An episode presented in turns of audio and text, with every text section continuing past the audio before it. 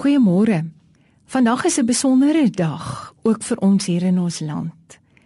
As ons so ver oggend vir 'n oomblik stil staan by Psalm 85, dan hoor ons hoe dat die kruks van hierdie Psalm daarom gaan dat die digter sê Here, U was goed vir U land.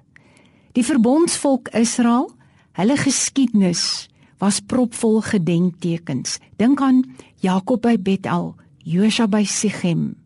Bakens gedenktekens. Maar dis ook kenmerkend van alle tye.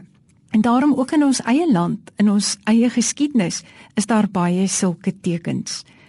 Tafelbaai, die genote monument, so kan ons hulle noem, die Voortrekker monument, Vryheidspark, die Gelofte Kerk in Pietermaritzburg, baie ander. Waarvan getuig hierdie bakens? Dit vertel van verskillende tye, van mense in nood, van vrese in die harte van mense.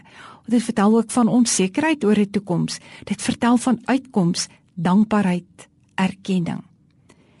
Maar as ons 'n oomblik na Psalm 85 kyk, waar ballingskap dan die agtergrond van die Psalm is, en ons hoor die opgewondenheid waarmee die digter dan in die tempel sing oor daardie vrylating wat op hande was en dat hulle geweet het hulle kon terugkeer na hulle vaderland maar dan ook al die teleurstellings.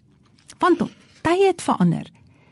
Op daardie stadium was die perse in beheer en hulle heerskappy was veel erger as die wat hulle in ballingskap beleef het. Die land was verarm. Daar was misoeste, droogtes het hulle tol geëis, baie ontberings en dan natuurlik die gebruikelike tweedrag en oneenigheid so onderling was daar ook. En hulle het besef dat die uitkomste waarop hulle gehoop het, het nog nie aangebreek nie. En vir hulle dit gevoel asof hulle die toorn van God beleef. En so soek hulle troos uit die verlede, troos in die magtige dade wat God in die verlede met hulle gehad het. En hulle ontdek dat God van die geskiedenis hulle gehelp het, gister, vandag nog steeds. En so gaan die lyn deur waar ons uitkom dat hulle besef vir ootmoediging en bekering en dankbaarheid is nodig. In vers 10: Waarlik, die uitkoms is naby vir diegene wat hom dien. Vandag, terwyl ons ook in Adventtyd is, is ons mos vol ootmoed en afwagting. En ons vier sy grootheid, die getrouheid omdat hy die verlosser gestuur het.